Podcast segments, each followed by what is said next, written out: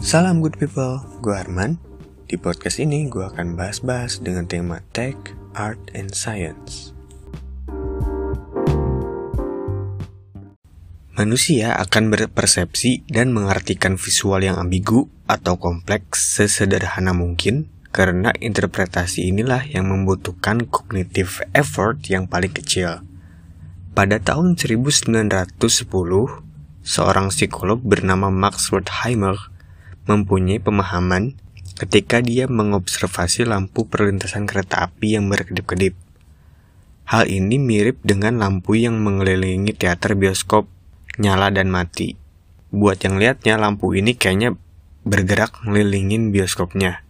Padahal lampunya cuma nyala, mati bergantian yang berpola. Jadi tetap sama atau mirip kayak perlintasan kereta api tadi. Prägnanz berasal dari bahasa Jerman yang berarti ringkas. Seperti observasi dari Max Horkheimer tadi, mata manusia sebenarnya melihat dengan menemukan kesederhanaan dan keteraturan dalam bentuk yang kompleks. Dengan begitu, mencegah kita dari keribetannya information overload di otak kita.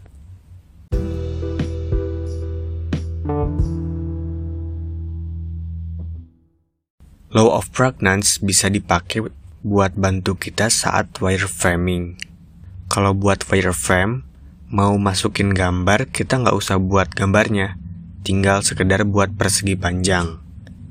Paling nambah lagi dua garis diagonal di dalam persegi ini kan. Untuk lebih spesifik lagi, saat kita melakukan redesign, wireframe bisa dibandingin samping-sampingan sama, ver sama versi yang ada sekarang. Nah, mata kita bisa langsung lihat variannya.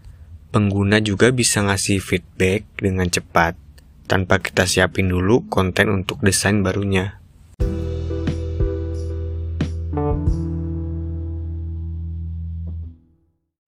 Oke, jadi poin-poin yang bisa kita simpulkan dari law of pregnancy ialah satu, mata manusia lebih mudah menemukan sesuatu yang sederhana dan beraturan dalam bentuk yang kompleks karena mencegah kita dari information overload.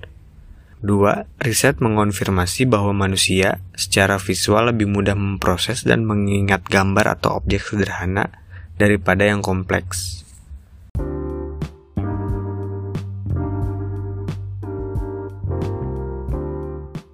Oke, sampai di sini pembahasan Laws of UX yang ke-9, Law of Cognance. Sampai jumpa di podcast selanjutnya. Salam good people.